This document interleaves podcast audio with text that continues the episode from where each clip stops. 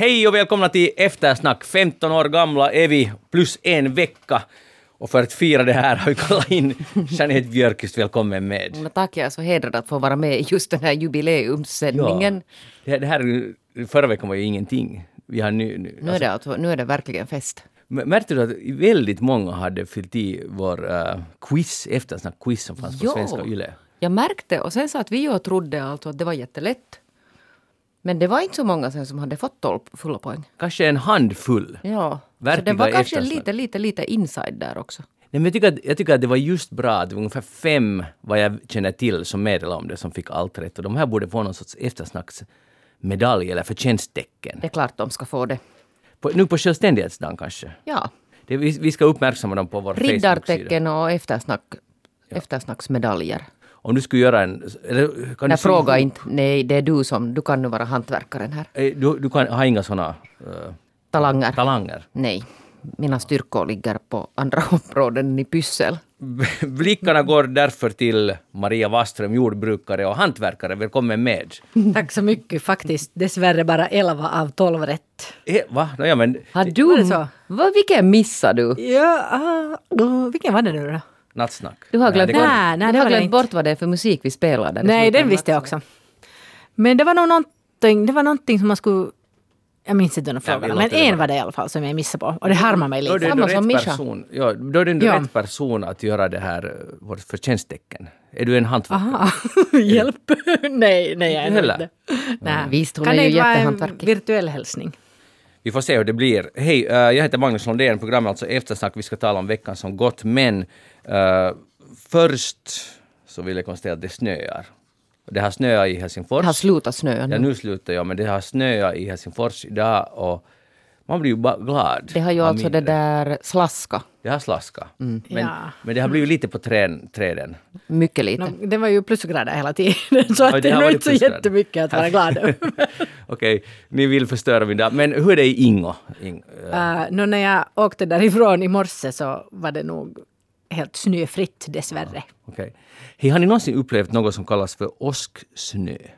För i Skottland i morse, om vi tycker att det här är jobbigt med ett slask, så ungefär vid fyra, fem snåret i morse, så vaknade många människor i Skottland till ett fruktansvärt dån som man trodde var explosioner eller något annat skrämmande som skedde. Men egentligen var det alltså att det åska medan det snöade, vilket ger en mystisk ljudeffekt som vi inte är vana vid. Man kan inte identifiera det gärna som åska, utan man tror att det är något helt annat. Folk ringde till deras lokala 112 och anmälde explosioner, men det var bara åska. Har ni någonsin, jag har aldrig upplevt det här. Aldrig någonsin. Nej, inte jag heller. För det låter lite häftigt, äh, lite skrämmande och det är liksom på något sätt, det har att göra med att den snön dämpar det ljudet så man hör det bara lokalt. Annars man, kan man ju höra åska väldigt långt ifrån. Alltså hagel kan det ju förekomma i alla möjliga... Ja men det smäller ju inte Jeanette. Nej men det har, alltså, det har kunnat vara alltså åskväder och hagel men det är ju inte samma sak som att det snöar. Nej. Det, Dessutom hade åska väldigt lite det senaste året tycker jag. I somras då när det nu brukar åska så var det ju nästan... Det var väldigt få Mm. gånger åska. Var det så? Kanske det var så, ja.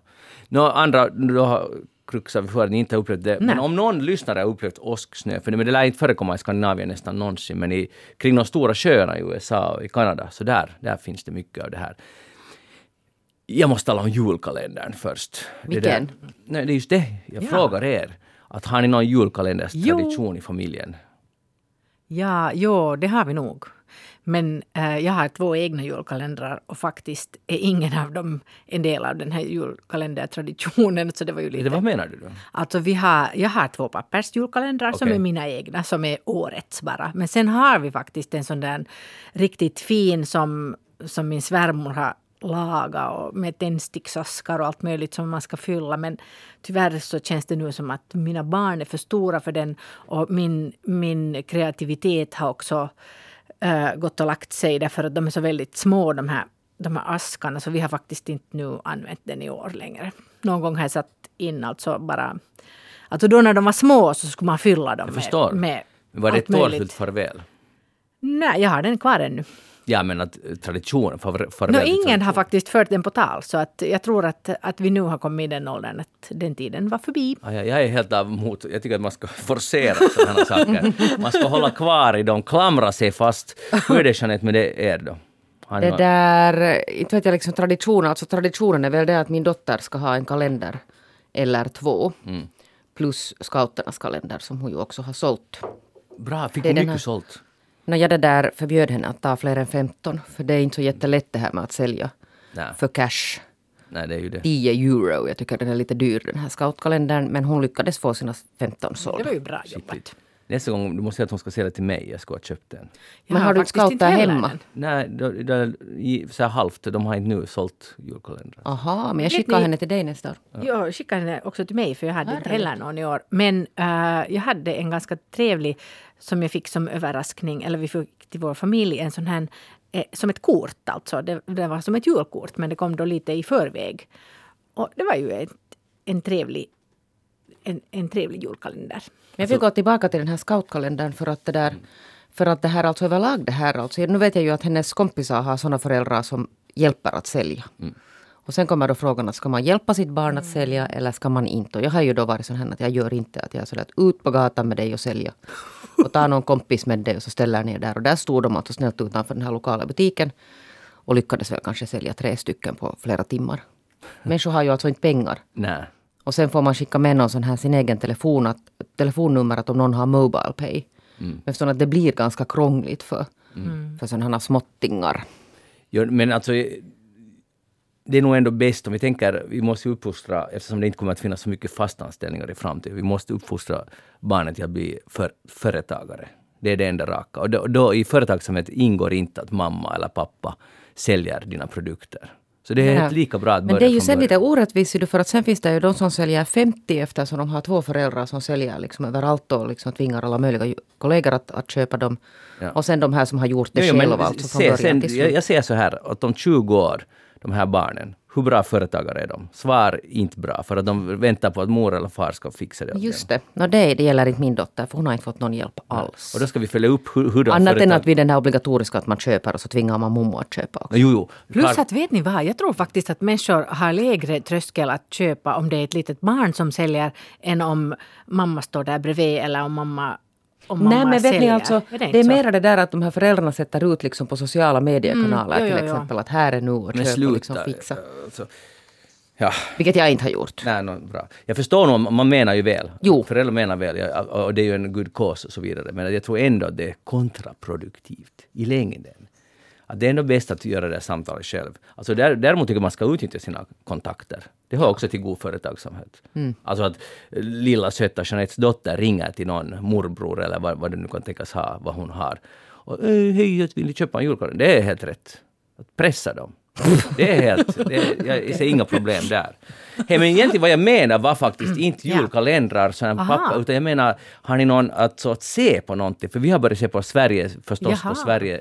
För den som kommer på Yle 5 har, har vi sett tidigare, för det är den rikssvenska som kom 2018 tror jag. Och nu kommer den rikssvenska. Och jag är helt tagen, för det handlade om tidsresa mellan 1920 och 2020. Alltså SVTs julkalender. SVTs, ja. Eh, Jag kan be det där min dotter ringa dig för hon tittar på den på skolan. tycker hon om den? Jag tror hon tycker jättemycket Jag om säger att det är ganska spännande nu för hur det ska... För, och då började jag fundera på, det är två flickor och genom ett olycklig omständighet så, så switchar de roller. Ena flickan flyger från 1920 till 2020 och från 2020 till 1920. De har liksom, och då får de den andra personens kläder och uh, sätt att tala, eller alltså röst. Men, men inne i huvudet är de sig själva.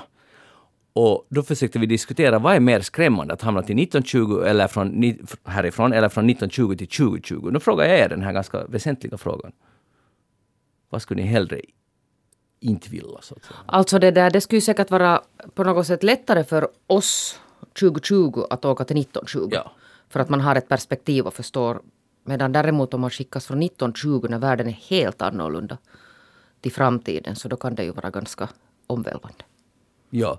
Det var en scen när, när eh, hon ska bli adopterad så visar modern på en iPad vart de ska flytta. Och den här från 1920 blir jätteförskräckt att hur ska vi rymmas in, alltså bokstavligen in i den här Ja. skärmen. Så, och, och då sa jag mycket klokt, som jag är ju en far, så sa jag att, att man skulle antagligen gå under, att man skulle helt enkelt kollapsa om man skulle hamna från 1920 till 20. Att man skulle helt enkelt inte palla det här livet. Det är min, jag tror att man helt enkelt skulle hamna i koma. eller Så det något. finns ju människor som nästan har upplevt det på riktigt. Men, Vem, vänta, vem har upplevt det nästan att den har flyttats hundra år framåt? nej, men alltså såna, inte, inte i en hast, men som har upplevt både den tiden och da, dagens läge. det, det är Men du menar att... utspett på hundra år. Jo, jo, precis. Men att jag menar nu... Men nu är det en fascinerande Ja, tanke. det. och, och allt som blinkar och, och alltså det är ganska skrämmande. Men jag tror Jeanette, du har rätt i det där. 2020 till 2020, bara man förstår, aha, nu har jag flyttat hit, okej, det skulle vara lite, man skulle vara lite ensam och lite, det skulle vara lite problematiskt på många sätt. Och det skulle vara extremt problematiskt. Ja, skulle vi fixa det? Det där, månne nu inte människan fixar det mesta om man är sådär lite anpassningsbar. Ja, hej, eh, jag vet det har inte annat i den här världen också den här veckan. Corona-update. Eh, och för det första, eh, när vi började eftersnack den här säsongen någon gång i eh, augusti, så sa jag att det här blir nog hårt. hårt den här, hösten blir hård och framförallt november. Tänk sig november mörkre och det är någon halv lockdown, vilket vi inte kanske, vi har nog inte lockdown i Finland, men i alla fall. Att hur ska vi fixa det? Och nu är november fixat! Det är, Eller Det är hur? förbi! Vet du vad jag kom på det där igår när jag försökte trösta någon sån här äldre granne. Så var jag så att jo men att snart är det, snart är det december så att ah, nej men det är ju redan december. Ja. Så vi har fixat November det där, det som vi trodde, åtminstone jag trodde skulle bli det värsta, det är förbi. Det är väl ett tecken på att vi, att vi är nog jätteflexibla, vi människor sen ändå. Men tänk att det varje år är det här.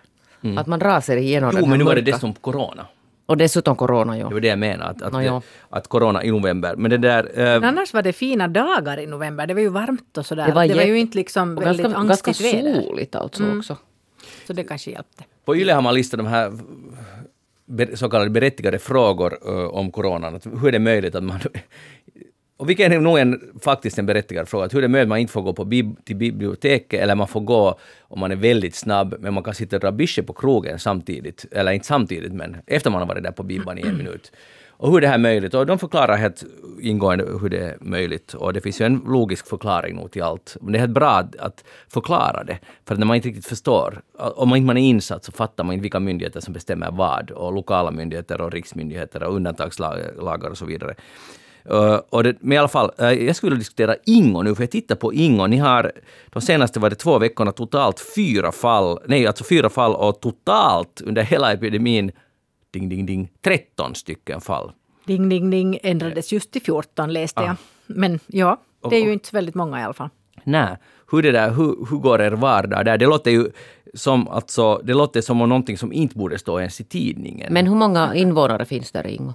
5 000 drygt. Men, eh, och, och då i våras var det tror jag sex fall så att de här resten har då kommit nu. ja. Men alltså det är ju nog väldigt skönt att det är på det sättet. Och, och, men vad ska man säga, nu måste man ju ändå vara lika försiktig som på andra ställen för att vi som alla andra rör oss ju.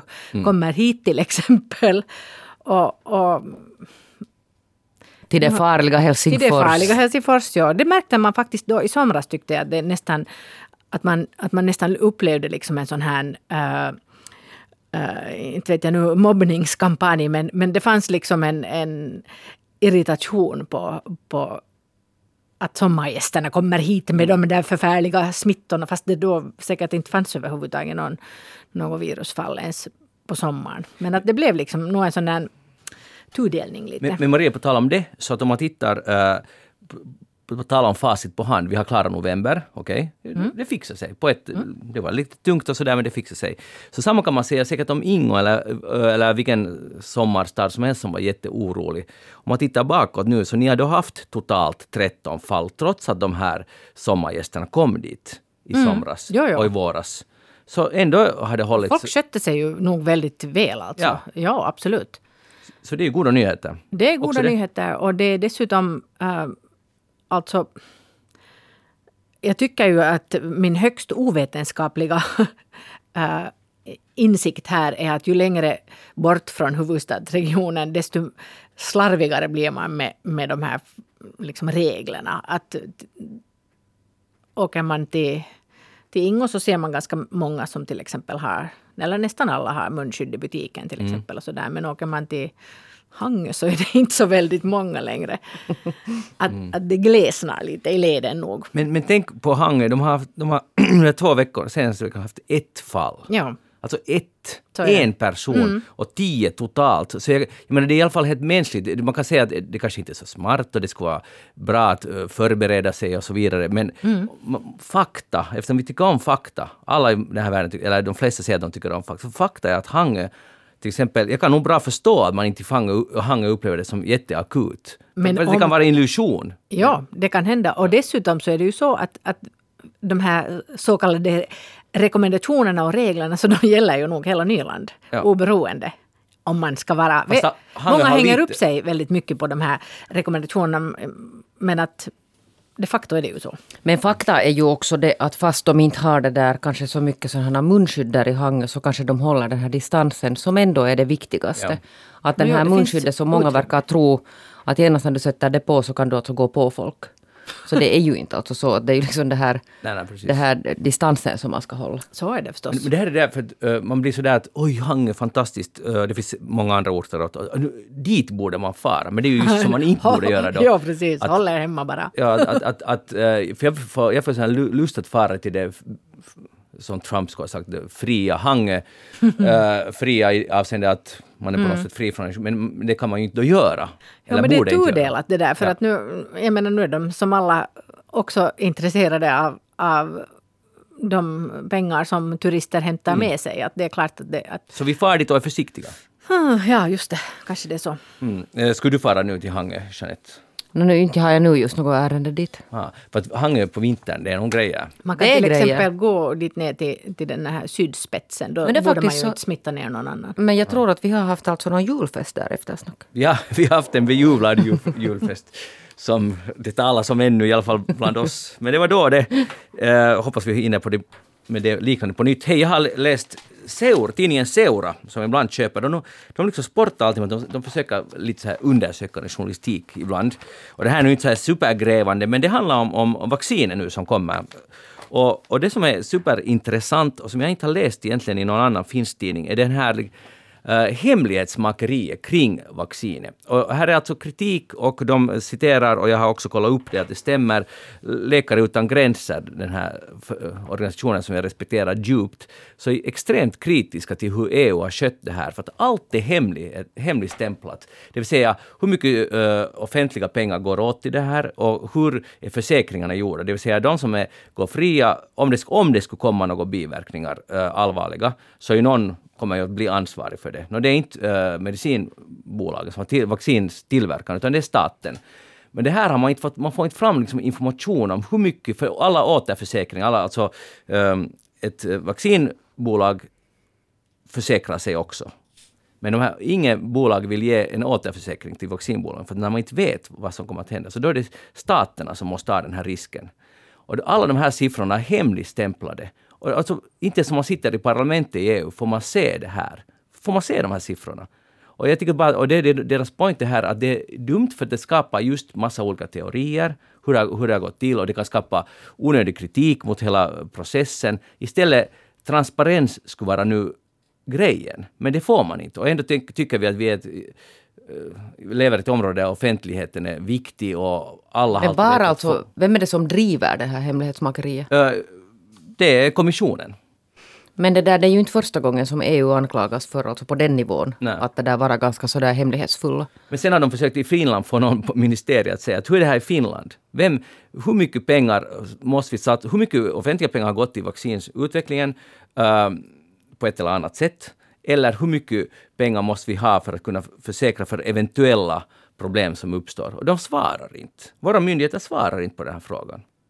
Jag tycker bara att det är svagt. Alltså de svarar inte ens så att de säger att de inte kommenterar det med hänvisning till någonting. De säger att det är, det, det är lite på hälft och det är lite på gång och alltså undanflykter. Alltså allt det här, det här är nu tidningen Seura, men... Du ska inte undra, alltså Seura är en helt bra tidning. vet. Men, men de, de som jag respekterar till och med ännu mer än Seura är Läkare utan gränser och de är väldigt kritiska. Att det, här, det ska inte funka så här och de är ju inte mot vaccin. De är säkert, eller jag vet de är för det. Men de säger att det här är fel sätt att göra det. Jag håller nog med. Vad Bra att frågan ställ, frågorna ställs i alla fall. Ja, och hoppas man fortsätter ställa dem. Ja, det, det hoppas jag verkligen. Hej, uh, Veijo Baltzar. Det är ju inte något riktigt bra. Vi har inte snart, tror jag, snackat om det här. Men det är ju vår egen liten sån här eh, case av, av allt det som man har sett Weinstein och vad de heter i, i, i USA. Det är vårt eget litet case om man sätter sig in i det här fallet, Veijo Baltzar, han alltså står åtalad för en lång rad sexualbrott och människohandel. Och det där, de yrkar på uh, ovillkorligt fängelse. Han är kulturråd och har jobbat med teater och med både unga och gamla, mycket unga. Han har varit alltså en ganska uppburen. Ja, av, av Halonen och Lipponen och, och så vidare. Och hyllad på alla sätt. Och nu visar det sig att det var inte alls, det har ju visat sig redan för länge sedan, men vad, vad, vad ska man tycka om det här? Liksom, blir ni, tappar ni tron på en människa? No, det här kom ju alltså ut i offentligheten redan för över ett år sedan när Paavo Teittinen på Helsingin sa om att avslöja alltså mm. den här, hela den här. De hade ju jobbat länge. Eller han och en kollega, det var inte han ensam som gjorde det. Och det är ju alltså helt hårresande när man läser om det här. Ja. Och han har haft uh, underåriga, eller ja, minderåriga tjejer och bo där för att göra teater någonstans i Raseborg. För att göra teater, skapa teater med, med dem och, och det där. Föräldrar har blivit lite oroliga. Men det här är helt motsvarande, bara lite mindre uh, proportioner än de här stora caserna i USA. Det här skulle man kunna göra film om. Alltså alldeles bra. Det är också det är jättemärkligt så här i efterhand sett att, att hur, hur visste inte folk? Eller varför kom det inte ut tidigare? Det är, ju... är, det så att man sen skyddar, om för att han det är en så stor konstnär och har så mycket kontakter, det blir ett sånt en aura kring det. Att, Säkert, ja. att all, må, några, i alla fall några vet, men det skyddar, det snackas inte om det. Eller sen är det på något sätt att man vill inte se det. Ja. Ja. För det är obehagligt att tänka att det det är nog ganska långt. Men sen måste man komma ihåg alltså också att det där, mm, de här flickorna, alltså för att så finns det någon som tänker att men varför sa de ingenting? Och det är ju inte alls så att, att de här offren ens har en plikt att det där, det är ju inte deras uppgift att det där, det är en otroligt skamfull och jättesvår position de har varit Ja, och de var ju dessutom väldigt unga och, det, och sen var det säkert i vissa fall frågan om att, att, att vad var det liksom uh, att de hade ju också upplevt att de fick liksom fördelar av det och då, därför så kanske man inte heller går ut och berättar. Och det, det, är liksom jo, det är jättesvåra alltså, känslor det där att alltså, man... De... Och skuldbelägger sig själv för att man ändå sen hade liksom gett, gett liksom, gått emot i någonting och sen liksom händer någonting annat ja. och så tycker man ändå ja. att det är ens eget fel. Men för alla de dokumentärer man har sett om motsvarande fall i USA så det är ju ens eget um, ens egen förståelse för vad som är så att säga rätt och vad som är normalt grumlas ju helt. För det, det är inte så att det är från ena sekunden till en annan, nu är du, nu är du inte utnyttjad, nu är du utnyttjad. Så det går småningom och det blir normalt och, och man tänker inte på det, man tror att så här är det det funkar i världen. Så då, det är ju helt klart, de här tjejerna är de inte kan ju skylla något på dem. Utan Nej, det men det är jätteofta det här att hur såg ingen och, och, mm. då blir det det här att men varför berättar ingen? Ja. Vet du, mm. förstår du? Och, och, det är inte alltså några lätta saker det här. Nej, Nej men och, jag tror att man kan aldrig, till exempel många, det, nu går vi in på våldtäktsfrågan, men det här varför försvarade inte de sig och så vidare och de sa inte emot. Men alla, och jag har inte ens upplevt någon sån här livsskräck men man blir ju, det är, det är ju helt dokumenterat att man, ingen vet hur man skulle reagera. Det är jätterationellt. Jag skulle nog, jag skulle nog slåss tillbaka. Jo, men det, är alltså, ja. det finns det forskning på. Alltså, det är sån här, att man får sån här, alltså jättemånga drabbas av en sån här förlamning. Ja, som är alltså helt en sån här alltså, biologisk reflex. Ja. Att du kan inte göra något, du blir helt paralyserad. Och så finns det, jag har ju läst alltså, jag läste, jag gjorde en stor granskning av, av våldtäktsfallens det där öden och äventyr i rättsapparaten här i Finland för bara två år sedan. Och där är det ju sen jätteofta det här att man skulle ha krävt att, att de borde ha gjort någonting och de borde ha försvarat för att det på något sätt ska finnas. Annars är det det här ord mot ord som står där. Mm. Sen var det ju kanske också, jag tänkte också på det att han, han, var ju, han, han bodde ju i Ekenäs. Men det var ju alltså, han var ju inte alls en del av, den, av det samhället. Utan uh, hans kretsar fanns liksom någon helt annanstans. Att kanske det, så som jag har förstått det åtminstone, uh, att kanske det också också gjorde att han kunde liksom hållas i fred lite där. Att ingen... Mm. Folk kanske inte liksom var så väldigt sådär... Jag menar annars i små samhällen så känner man ju varandra väldigt bra. På gott och ont. På gott och ont, definitivt. Ja. ja. Men, men kanske det hade också en betydelse här att han liksom inte var så väldigt synlig i just den här lokalomgivningen där just. Jag vet inte. Men, ja, men samtidigt så var han ju en kändis. Ja, men han var mer alltså en nationell kändis ja, ja, på, på, en, på, andra arenor. Ja, Att, att där som han rörde sig så det var också långt ifrån det här hemmet där det, för, det I och för sig försiggick det väl på flera ställen men mm. jag vet inte. han är nu 78 år gammal. Eh, det här visar ju ändå att oftast Och rättsbehandlingen har alltså inletts nu? Ja, rättsbehandlingen inletts den här veckan. Så i slutändan så ställs man ändå till svars. Nu är han ju inte väl ändå dömd så att där, vi kan ju inte säga att han är Han är skyldig. misstänkt. Han är misstänkt. All, ganska allvarligt misstänkt också. Så vi får se. Hej, äh, Danmark ska sluta med utvinna olja. Och Danmark är det största EU-landet som största oljeproducerande EU-landet. Ja, så påstod de. Vilket jag inte visste. Men de tänker sluta där i Nordsjö år 2050.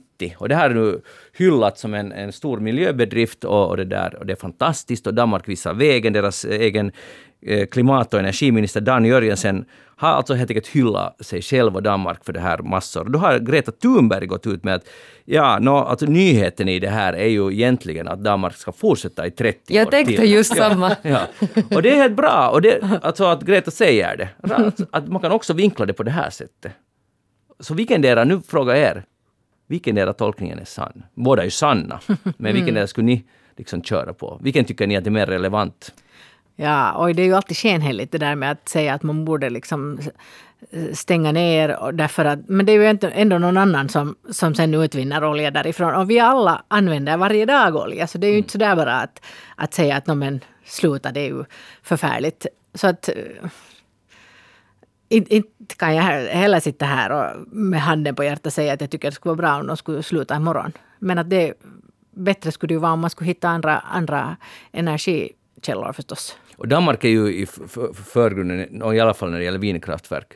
Säkert hade det varit strul på vägen, men att där är de ju. Uh, men ja, okej, okay, Jeanette. No, det där, jag är nog lite nu här på den här Marias linje med det där och knappast skulle väl nu någon säga att sluta nästa år. No, Greta skulle nog säkert säga det. No, jo, men det där det förstår man ju att det, det ju rimligtvis måste finnas alltså någon sån här... Alltså det, Utfasning. Ja, ja, som liksom tar sin tid. Men att ta den 30 år så det känns kanske lite långt. Ja, det, det där, alltså jag tycker det skulle låta mera seriöst. Det kan ju vara att det finns något avtal som gör att de förbjuder dem att, men tio år till exempel. Jag skulle mm. förespråka det. Och sen skulle vi måste, alltså jag tror att vi måste tvingas till hårda beslut gällande olja till exempel. För nu är det 30 års övergångsperiod just när det gäller Danmark och det betyder inte att oljan är slut sen. Det finns ju olja någon annanstans ifrån. Alltså jag tycker att när vi gick i skolan så stod det i våra våra det där ja. geografiböcker att om 30 år är oljan i världen slut. Japp. och det var redan nästan 30 år sedan kanske. kanske ja, ja det, det stod mycket i våra skolböcker ja, det gjorde nog det. är helt sanna. Men jag tänker att i dagens läge så är 30 år framåt liksom ännu längre än det Nej, ja, det, är liksom, det hinner hända så himla mycket på 30 år ja. i dagens läge. Att man vet liksom inte hur den dagen ser ut ja. idag alls. Men jag tycker det är bra poäng som du tog upp, eh, Maria, den här, för det är ju lite hyckleri. Just jag, jag ska också, jag ska vara så här nästan skriva under grejer. Ja, nu ska oljan bort imorgon från Danmark. Men sen när jag ska fara till landet och starta min bil så skulle jag vara jävligt knäckt på att, att vem har satt stopp för oljan? Vet du, det är ju det här. Mm. Och därför är jag med att vi måste tvingas till det. Man måste säga att... Ja, det måste finnas alternativ. Men det är klart att om, om, det, om det inte finns någon slags tvång någonstans så då utvecklas inte de här alternativen. Nej. Åtminstone inte i rask takt utan det går lite långsammare. Det måste finnas ekonomiskt incitament. Mm. Att det här är nu det vi mänskligheten satsar på. Vi måste hitta alternativ. Och så kommer någon att bli rik. Eller många av er. Hitta på någonting. Nu dessutom har ju oljan varit billig, så att säga. Jag tycker, det, jag tycker det är jättebilligt att tanka sin bil. Och det är ju det att jag åker inte varje dag. Jag vet att för sådana som hela tiden måste pendla så blir det dyrt. Men så här landåkare, jag tycker det är billigt. Alltså det är faktiskt billigt. För billigt, tycker jag. Nåja, Jeanette Björkqvist, har du tänkt på det? För billigt, ja. jag blev lite det blev att snurra. Hörde, jag råkade där läsa i den här tidningen Läraren en artikel. Det kan hända nu att alla andra alltså har varit, varit upprörda över det här än länge. För så det har varit att den här, en sån här avhandling nej förlåt, jo, doktorsavhandling av Aino Saarinen vid Helsingfors universitet som alltså har, har, har forskat i den finländska skolan. Och, och, det är tydligen så att redan innan den här doktorsavhandlingen har presenterats, nu har den alltså kommit, kommit så där helt blivit offentlig, så har det kommit jättemycket kritik mot henne. För att hon har nu liksom sådana teser som på något sätt är liksom jätteförbjudna att uttala gällande den här finska skolan och det här eh, självständiga och individuella lärande som det talas så mycket om i skolan. Och hon säger nu att, att det ger sämre läranderesultat och sen tycker hon inte heller att de här digitala eh, miljöerna alltid är någon sån här liksom genomgående frälsning. Mm. Och hon går alltså, jag tänker att om man nu gör en doktorsavhandling om det här så då har man ju gjort alltså ett ganska grundligt jobb. Nu har jag inte läst själv den här avhandlingen, jag läste bara den här artikeln i, i Läraren. Och för en som kanske själv också har förhållit sig lite skeptisk till det här att man liksom på något sätt ger så mycket ansvar och särskilt alltså mycket ansvar i lågstadieskolor. Att det kommer in någon så här digitala portfolion som man ska börja pynja med den på första klassen Du, i du talade skolan. för några år sedan, portfoliogrejen. Jo, det här är alltså jättemycket sånt här alltså, vet ni, att, att barnen ska ta ganska mycket ansvar alltså för sitt eget. Så kan man ju tycka liksom att, att är det nu lite tidigt att skulle de inte behöva läraren och då läser man ju den här förstås så här att här är det någon som bekräftar det här som man själv har, har tänkt att det kanske verkar gå åt pipan. Sen säger hon ganska bra för att hon har fått jättemycket kritik. Det var inte alls alltså välkommet det här att man att man säger det här, men så säger hon här i den här artikeln, så, eller intervjun, så säger hon, jag har förundrats över att man på vissa håll har vänt helt upp och ner på den finska skolan och ingen talar om det. Ingen lyfter fram utmaningarna eller riskerna. Ingen verkar bry sig över att OECD har klassat Finland som ett land med permanent sjunkande läranderesultat. Man bara skryter hur bra vi är. Mm, jag älskar självkritik. Är det inte alltså så? Det är jättebra. Jag vet inte om hon har rätt, men det är bra att någon ifrågasätter. Speciellt något som ingen säger, om det stämmer att ingen säger det. Men, men nu är ju... Men vet ni, förstår ni att, att man går liksom för att man har en sån här känsla, och det här är ju alltså absolut inte vetenskapligt nu, men den här när man har tittat liksom och förfasat sig över den här svenska skolan. Att det är ganska lösa ramar och det är liksom stort och man ska liksom på något sätt liksom styra sig själv och ingen kan sen säga till. Liksom det, det är ganska så här liksom flummigt. Och sen liksom har vi gjort någonting med vår skola också som, som det där. Och nu säger jag inte att det har ju alltid funnits sån här självstyrd inlärning och särskilt alltså i äldre klasser är det säkert helt alltså när man blir äldre och på något sätt kan den här, har den här baskunskapen. Men vad betyder självstyrd inlärning?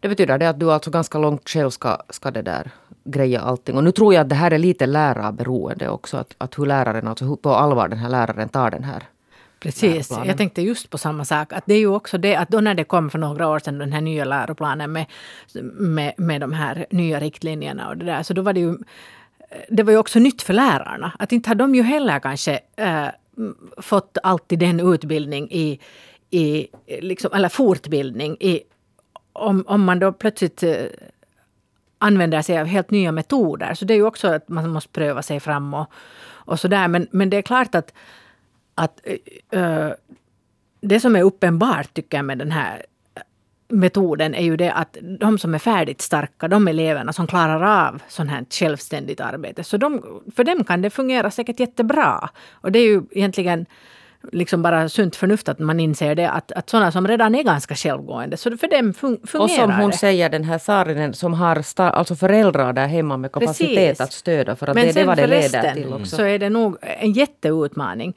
Dels också det att, att äh, det blir kanske ogjort om ingen jag menar, barn i en viss ålder kanske behöver liksom styras ganska mycket. Och, och om det sen inte styrs så då kanske det blir helt ogjort. Eller sen helt enkelt sitter man där hemma och säger att jag vet inte vad jag ska göra. Att vad är det som förväntas av mig? Och, och sen att är, är du ambitiös så då klarar du det. Men det är ju trist, inte ska ju skolan, åtminstone inte i Finland, ska den vara sån att, att den gynnar liksom sådana som, som färdigt är helt bra och ambitiösa. Utan meningen är ju att man ska hjälpa också de som är svaga. Ja, det är ju hela, alltså, hela vårt, alltså hela eh, välfärden baserar sig på det att vem du än är och varifrån du än kommer så har du samma möjligheter för att den här skolan kommer att liksom ge möjlighet åt varendaste en att bli Men ett sådant här system kräver nog mycket mera liksom speciallärarresurser för att hjälpa då de som inte kanske har det inbyggt i sig att vara sådär supersjälvgående från början.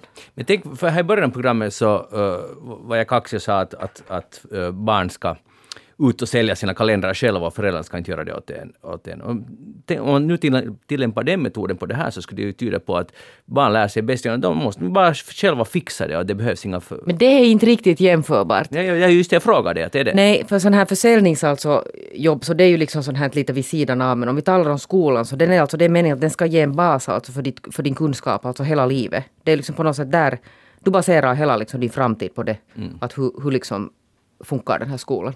Men samtidigt har man ju visat att inte, vi, i teorin är vår skola jättejämlik, men den är ju inte i praktiken det. Att det beror nog på hur den skolan går, hur bra lärare du har, hur, hur, hurdan är filsen i klassen, regionala skillnader, det finns massa olika. Och men också- teorin är, är, ju, är det ju så. Också det att ska man göra självständigt arbete så är det ju nog väldigt stor skillnad på att hur, hur- hurdana uppgifter levereras till dig och, och hur, hur du också inspireras i skolan av att eh, liksom, eh, fortsätta jobba på de här sakerna. Det är ju just det att det hänger säkert ändå väldigt mycket på, på lärarna.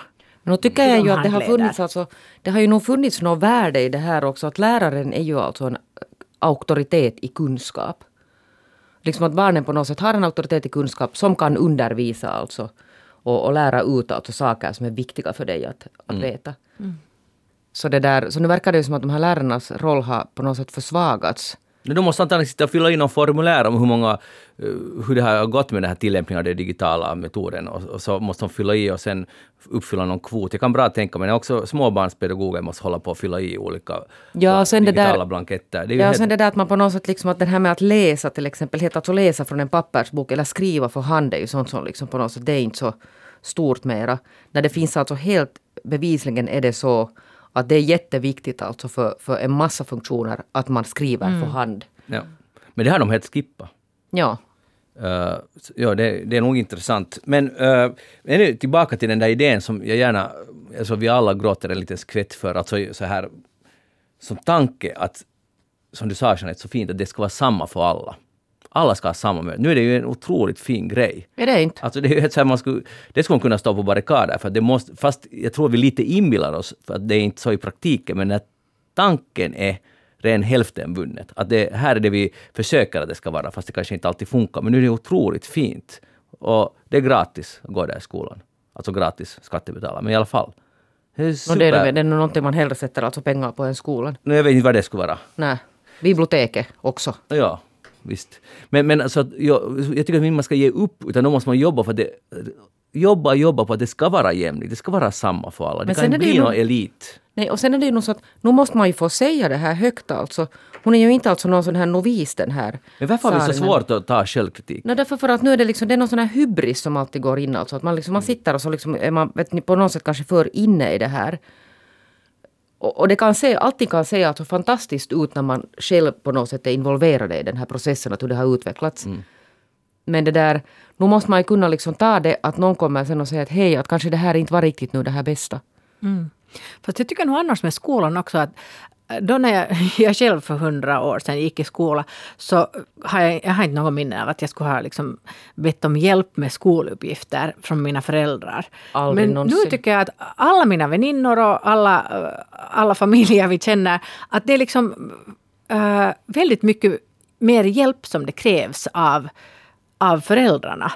Ja, och vet, ni vad- vet ni vad, jag tänker säga något hemskt. Jag är lite emot det där. Jag tycker att, att det är klart att man ska finnas där och man hjälper alltid, men nu, jag tycker att utgångspunkten var att försök först själv.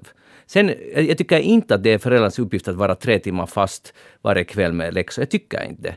Jag, jag, jag tror inte på den metoden. Eh, men jag vet många gör det och de gör allt, de ger allt för sina barns skolgång. Men jag, jag, tror på en viss självständighet. Men däremot så, det är ju roligt att räkna till exempel matematik. Och jag vill gärna, jag tycker att det är superroligt. Och jag vill gärna lära att det här är viktigt, det här är grejer, som, eller historia, sånt som jag själv känner för.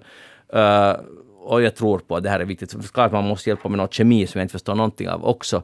Klart man hjälper. Jag tror att alla vettiga föräldrar hjälper, men jag tycker bara det måste finnas en gräns där. Jo, men- Försök först själv. Men det som jag menar är att, att skolan idag eh, förutsätter mera Ja. hjälp av föräldrarna. Är det så? Än, nej, jag vet inte, men så känns det för mig. Men det kan hända att, att jag har fel. Men, men jag tycker att man har lite sån känsla att Jeanette, hur mycket gör, gör du läxor med din dotter? No, hon är ju bara på trean så jag gör ju inte alls alltså. Hon är ganska självgående. Hon är nu säkert en sån som klarar det här alldeles utmärkt. Fast jag ändå tycker att det ska vara liksom sån här gam- lite liksom mera gammaldags skola. Men sen när jag har följt med tonåringar på nära håll så där är ju nog alltså och inte bara det att de verkar alltså ha jättemycket läxor. Ja. No, Det vet jag inte att det är skolbundet men alltså i vissa skolor kommer det nog sådana mängder läxor att man tänker att de gör ju ingenting annat än sitter alltså efter skolan och gör Jag läxor. tycker, jag tycker det är hemskt. Men att, när mina barn går i Steinerskolan så de har inte, tror jag, lika mycket läxor. De har läxor men jag tror inte de har så där mycket. Så jag tycker det är helt sunt. Men att, jag vet att det finns olika sätt att se på det här. Så det, man måste välja sitt, sitt Ja, men sen tänker jag det att, för jag kan nu för mitt liv inte komma ihåg att hur mycket var det sådana här liksom hemläxor när man var själv i någon högstadiet till exempel eller gymnasiet. Men där inte kan det ju vara meningen, vad gör man då på skolan om man sen ska komma hem och göra liksom en massa till? Jag vet inte. Så där är ju någonting som inte nu stämmer i det här. Men jag är säker på att i Ryssland har de ännu mera, mycket mera läxor. Det kan du vara helt säker på. Plus alltså de här elitträningarna som Ja. börjar när de är ett. Och sen ska du bli schackmästare vid fyra och så vidare. Ja. För att nu lite generalisera, men i alla fall, okej. Maria Wastström, vad har du tänkt på den här veckan? Ja, jag har faktiskt tänkt på vänskap över generationsgränserna. Och, och orsaken till det är att, att jag har faktiskt äh, mist en, en vän som eh, redan nog var över 80 år. Men jag känner att det var en jättefin vänskap. För att, eh, att hon var egentligen vän med, med min familj i tre generationer. Det vill säga med mina föräldrar, men också med, med mig och min man och sen med våra barn. Och jag tänker att, att det här är nog en ganska fin och unik sak att ens ha fått uppleva. Och nu har jag börjat fundera lite att, att det är ju kanske inte så vanligt heller det idag längre att man har, att man har sån eh, vänskap liksom i, i andra i, i andra åldersgrupper som skiljer sig så mycket, alltså helt i andra generationer.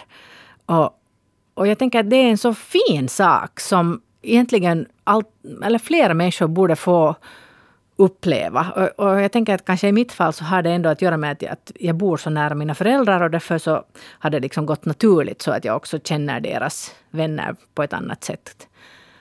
Kanske, men, men också det är just att, att, äh, att mina barn, jag menar de har då de har haft nästan 70 års åldersskillnad. Mm. Och, och det här borde vi ju, det här borde man egentligen få uppleva alltså som barn, att man har vänner över, eh, över generationsgränserna. Några frågor. Uh, den här, uh, din vän, mm. det är inte en släkt? Nej, just alltså. Henne är inte släkt? Uttryckligen är det, var det in... var hon inte en släkting ja. utan okay. en vän. No, men berätta, varför, varför är det viktigt att, att ha en vän? Alltså, att, vad, vad, ger, vad, vad, ger det? Alltså vänskap annars ger ju förstås eh, väldigt fina saker. Ja, men vi talar nu om 70 år ja. ålder. No, alltså nu har man ju en annan, no, dels har man ju en annan erfarenhet och en, och en äh, livssyn och, och, och kanske man har också en liksom en, o, en annorlunda syn på livet. Men samtidigt så inser man ju det att fast det kanske skiljer 70 år i ålder, så, så ser man kanske på många saker ändå ganska på samma sätt. Mm. Och det är ju också värdefullt att se, för ofta kan jag, kan jag tycka att man liksom drar, drar eh, generaliserade äh, åsikter om, om liksom att det där är nu en gammal människa och den tänker på det här sättet. Men det är ju faktiskt inte nödvändigtvis så om man faktiskt sen sätter sig ner och, och pratar med dem. Att man har kanske mera gemensamt än vad man egentligen tror. Mm. Så att inte vet jag, har ni vänner som, som är liksom från helt andra åldersgrupper? Inte kanske så där nära, men nog så där alltså att jag regelbundet träffar. Men det där, det där med att, att det är en gammal människa, så jag tycker nog också att man ska värdera att oberoende vad den gamla människan säger, så brukar de ha ganska bra perspektiv på ja, saker. Ja, alltså jag älskar ju att umgås med äldre, för att det på något sätt, det finns alltid liksom, man sitter där med någon sån här döbbersaker, så kan de, ja. det, liksom, det finns alltid någon sån här, eller inte alltid, det finns säkert jobbiga äldre också. Förstås Men de har alltså ofta jättekloka. Ja, och förvånansvärt moderna tankegångar också. No, ja, alltså ibland modernare än man själv jo, kan jag säga. ja, precis. Men alltså, jag, jag tycker, jag, så allt det där håller 100 procent med. Och jag, jag, jag tror inte jag har en vän som är 80 eller 90 år. Nej, det har jag nog inte. Förutom släkt förstås och, och har haft.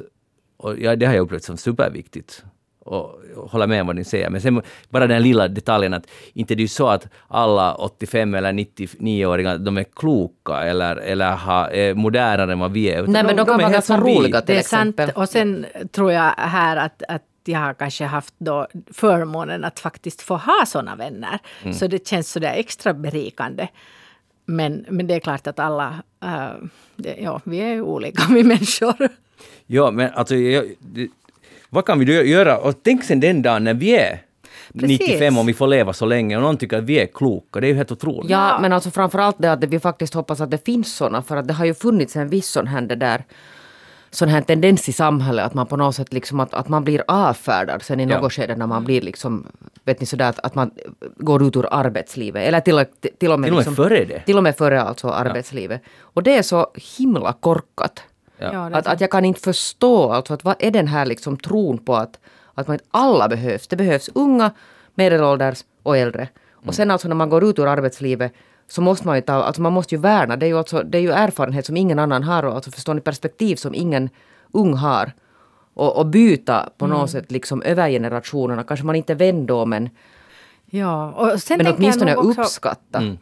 jag tror att det är också viktigt att man, man själv tänker i den här åldern uh, att, att man aktar sig för att bli till exempel bitter. Som, som det är ju lätt kan hända att, att om man också uh, det, det har jag tänkt att det är en väldigt viktig sak det att man ser uh, att, att just äldre människor som inte har blivit bittra utan mm. som har liksom en, en sån här um, positiv syn på livet fortfarande när man är 80 år. Så det, det är liksom min förebild. Jag hoppas att jag också skulle kunna vara sån sen. Jag har min förebild, alltså hon bor i Sverige, det är den här världens äldsta bloggare. Hon heter Dagny och hon ja, har fyllt 108. Ja, är hon 108 nu? Då, hon, är där, hon var ju i Finland alltså här var det förra året. Då gick vi dit med min dotter och träffade henne och så tog vi selfie. Att hon var helt under, alltså Dagny är helt min. I love her. Ja, hon är nog... Men, men vad tror du man väljer själv om man blir bitter eller inte? No, jag tror att man nog kan lite ha en, ett finger med i spelet, det tror jag. Mm. Ja, vem annars skulle välja om inte man själv? Mm. Men det är klart att, att utsätts man för väldigt mycket så, så är väl risken större. Men å andra sidan så och sen kanske personligheten från början också. Mm. Den, den är väl som den är kanske. Men nu kan man styra den också om jag med lite vilja. Då är man bitter säkert hur du redan man är det där 20. Det kan om hända, man är ja. på det sättet. Någon mer knäckande än det finns det nog inte, om jag får säga. Alltså någon som, utan så att säga yttre, om det inte finns någon sorts egentlig, egentlig orsak, att man går igenom livet bitter. Det är nog ganska... Är det ganska jobbigt? Det är ganska jobbigt. Men, ja, främst för en själv säkert. ja, men det är också för ens medmänniskor. Ja, ja, absolut. Och de blir säkert allt färre dessutom, för att vem orkar med det? Men det, det, jag tycker det var fint, fint sagt det här uh, om en positiv och icke bitter äldre personer kan ju vara extremt inspirerande, för det, det är ju kraft åt vi som är yngre och vi som, de som är yng, mycket yngre ja. än vi. Att wow, så där ska man leva livet. Ja, och, och också alltså, se små orsaker till till exempel till fest och till, till glädjeämnen yes. och sånt här. Att man inte... Eh, jag menar, kanske är det också så att har man levt ett långt liv så har man nog varit med om så pass mycket att man vet att, att de här små motgångarna som vi möter i vardagen, så de är nu kanske ändå inte så farliga. Att vi klarar dem nog. Men en sak som också, jag har lite problem med ett, eh, trötthet. Jag menar inte nu att oj, jag sov dåligt i natt, men alltså livs, liksom, mm. trött, jag, jag orkar nu inte riktigt. Är det nu någon idé att försöka? Och, för det, det gränsar lite sant, till bitterhet. Ja, det och det är också så otroligt inspirationslöst. Liksom, så man blir att ja, ja, whatever. Liksom att, och det här är också superviktigt, att hålla i det här. Det är sant, ja. Hålla i det här. Det, leva, leva, helt enkelt. Mm. Och, och jag tror de, den som du talar med kanske var en sån person, skulle jag nu misstänka. Mm. Så har det varit begravning redan? Nej. Voi voi. Den kommer. Den kommer. Då är det ett tillfälle att komma ihåg. Mm. Mm. Inte i, sån här, eh, det är ju, det är ju en kliché, men hon är ju borta men ni kommer att komma ihåg henne alltid. Och det kan ju, så här, nu talar de om ja, henne. och vara en förebild, det tror jag. Ja. Utmärkt. Hej, äh, Laura Huhtasaari, Europaparlamentariker. Okej. Okay. Så hon har twittrat nu här, äh, i, häromdagen i alla fall. Hon skriver att att kära vänner, att min dotter ska gå på uh, konfirmationsläger. Finns det någonstans ett sånt läger där det finns uh, präster som på riktigt är i tro? Som tror på riktigt. Och jag vill inte ha någon av de här regnbågsprästerna. Vi bor i Satakunda uh, eh, och, och så vidare. Var finns det ett bra läge? Och, och det här väckte ju en del diskussion och jag följde med den här då. Jag brukar inte göra det, men jag följde med. Och det finns mycket i den här hennes tweet, om man räknar, läser mellan raderna, som jag tycker att det är helt fascinerande. Alltså, A. Man kan inte vara äkta troende om man har någon sorts så kallade regnbågstendenser. Alltså hur kan man bedöma någon annan människas tro? Förstår ni vad jag menar? Mm. Att man kan säga att någon som är på riktigt troende och inte sån här regnbågsmänniskor. Och det har blivit just debatt kring det att jaha, att borde vi gradera ja. hur troende en präst är? Som präst skulle man ju nog ta väldigt illa upp alltså. Ja, det där... Jag vet inte om jag skulle där ge, skänka den här Laura Huhtasaari en enda till tanke. okay. För att det där hennes enda liksom det här vad hon gör är ju att provocera på en massa jättekonstigt. Det här är ju alltså en, en liten sak jämfört med en massa andra saker hon har hävt ur sig. Så jag tycker inte att hon är värd alltså okay, vår förlåt. tid. Men, no, ja, men jag tycker ändå, hon är ändå Euro, Europaparlamentariker. Ja, no, hon är ju det. Men jag skulle Dessutom, säga att, att skicka ditt barn på, både på ett eh, konfirmationsläger och undersök inte före prästen i Sila, så också på Prometheus, eller vad heter det? Pro, pro, protoläger kallas det. Och det är jättebra också. Också för troende eller för icke-troende. Skicka på båda. Det ska jag Jag, göra. jag tror faktiskt personligen att det också är helt bra om, eh, om en präst har förmåga att se att, eh, att den vacklar i sin tro ibland. Och att den kan säga det högt. Jag menar då, då handlar det inte om nu eh, regnbågsfamiljen eller något annat. Men, men om man ifrågasätter en prästs tro. eh, så tror jag att det är väldigt hälsosamt att, att inse att, att säkert vacklar också de, prästerna i sin tro ibland. Och om de vågar säga det så tycker jag att det är klokt och sunt. Mm. Hej, har ni eh, nu eh, en restaurang i Israel? Så nu har de för första gången serverat chicken burger som är gjort av höna, alltså inte konst, alltså ja, alltså, som, kött som har vuxit bakom glasdörren på restaurangen. De har tagit alltså någon sorts lite celler eller någonting från en riktig höna. Eller från ett ägg. Och så i laboratoriet växer den här till en ploff så blir det en biff. Och så de äter. Så det är, vad ska man säga, Artificiellt kött. Jo, men det är, på riktigt, det är ändå på riktigt kött, men ingen djur har fått sätta livet till. Men skulle det vara att är det sånt kött att om någon som äter kött så kommer inte att märka någon skillnad? No, det här är restaurangkritiker i Guardian har, har smakat på den här och tycker den smakar chicken. Förstår du? Höna. Och, och det är ju tekniskt sett höna. Bara den har ingen, ingen höna har blivit halshuggen, eller hur de nu dödar de här hönorna. Utan, utan det är liksom, det har vuxit. Och det här är nu enligt dem en möjlig framtida väg att gå. Att vi är, fortsätter äta så att säga kött, riktigt kött på ett sätt, men det har inte... Vi måste inte ha de här broilerfarmerna mera. Så vad, vad säger ni? Är det här... Det är ju alltså en god idé att man tänker att det inte skulle finnas broilerfarmar eller grisfarmar eller en massa andra sådana här massproduktionsgrejer. Men inte vet jag. Jag tycker det låter ganska spännande. Det här är just sådana här idéer som det behövs. Ja. Maria, vad säger du om jordbrukarnas, eller Ja, de nå- som har djur, det, framtid? det är ju inte en bra sak för dem. Nej. Eh, m- men det där, eh, alltså sådana här megalomaniska mm, broilerfarmar, så det, det kan man säkert tycka olika nog om. Det kan jag helt bra förstå. Men, men jag har alltså lite svårt med det där att man ska måste äta eh, eller det ska, om, man om man inte vill äta kött, så varför kan man inte äta då grönsaker? Nej, men det här varför är måste kött. smaka Jag Men tror Maria, det här är samma? kött. Men det här är antagligen nu så att det är sådana som jättemycket vill äta kött och de vill fortsätta äta sin höna och så finns det någon forskning som försöker hitta alltså Ja, ja. alternativ eftersom de Nå, absolut inte kan främmande, sluta äta det, sitt kött. Kanske det är bra, kanske det är framtiden. Alltså jag tycker att det här är fräscht initiativ. Hmm. Jag tycker det är helt rätt. Fast sådär på ett allmänt plan så hoppas jag nog att vi kommer att fortsätta att ha djur i vår natur också. Att, Men det De kommer nog ju finnas inte plats för det också. Men de här är ju inte i Ja, det naturen, de här som ska bli det där broiler i. nej, det är de ju inte. Nej, det är, det är inte helt så att man stöter på broilers där ute i, i Ingoskogen. Nej. Det gör man definitivt inte. Och det är ju tyvärr så att man stöter på väldigt lite sådana djur överhuvudtaget. Jaha. Nå, vilda djur nog, men alltså Just broilers stöter man. broilers. Kor söker... Alltså vad är egentligen broiler? Finns det ett, att jag förstår att det är en höna från början, men är det, alltså en broiler, man sätter ut den i naturen, den är väl, det är döden kommer. Det är lite som om vi far, far till 1920. No, det är ju inte meningen att man ska göra så. Nej, nej, jag förstår det. Det är som att släppa ut kan de minkar. gå alltså? Va? Nu kan de väl det?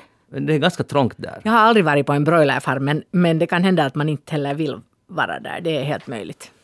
Jag, jag känner nu min sakkunskap håller på att Ja, sina. min så, också. Ja, så förlåt alla ni som har broilerfarmar och vet Ja, mer än vi. precis. Jag är ledsen för det. Men det där är transportpallar. Ni, ni vet de här som Ja. ibland när man beställer saker. Jo. Ja.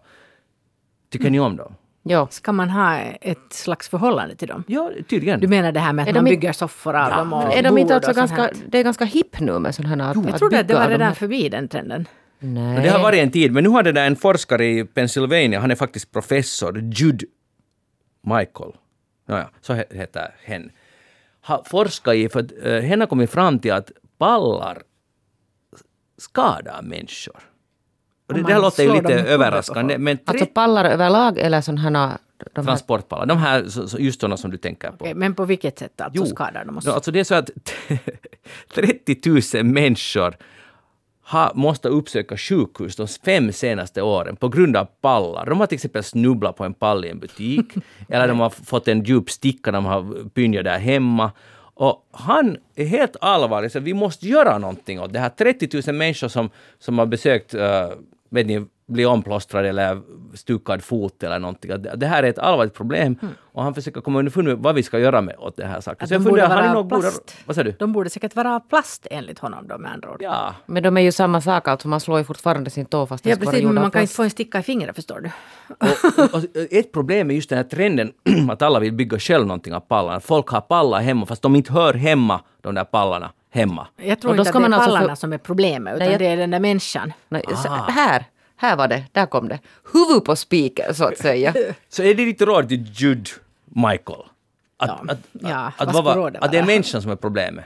Det är lite så här som med vapen. Ja, att, att öppna ögonen så snavar du inte över den där pallen. Ja, men om du har en, pall där hemma och, och, och det där och du försöker pynja någonting och så skadar du dig. Tänk nu 30 000 människor. Det finns ett ordspråk som heter för dumt huvud får kroppen lida.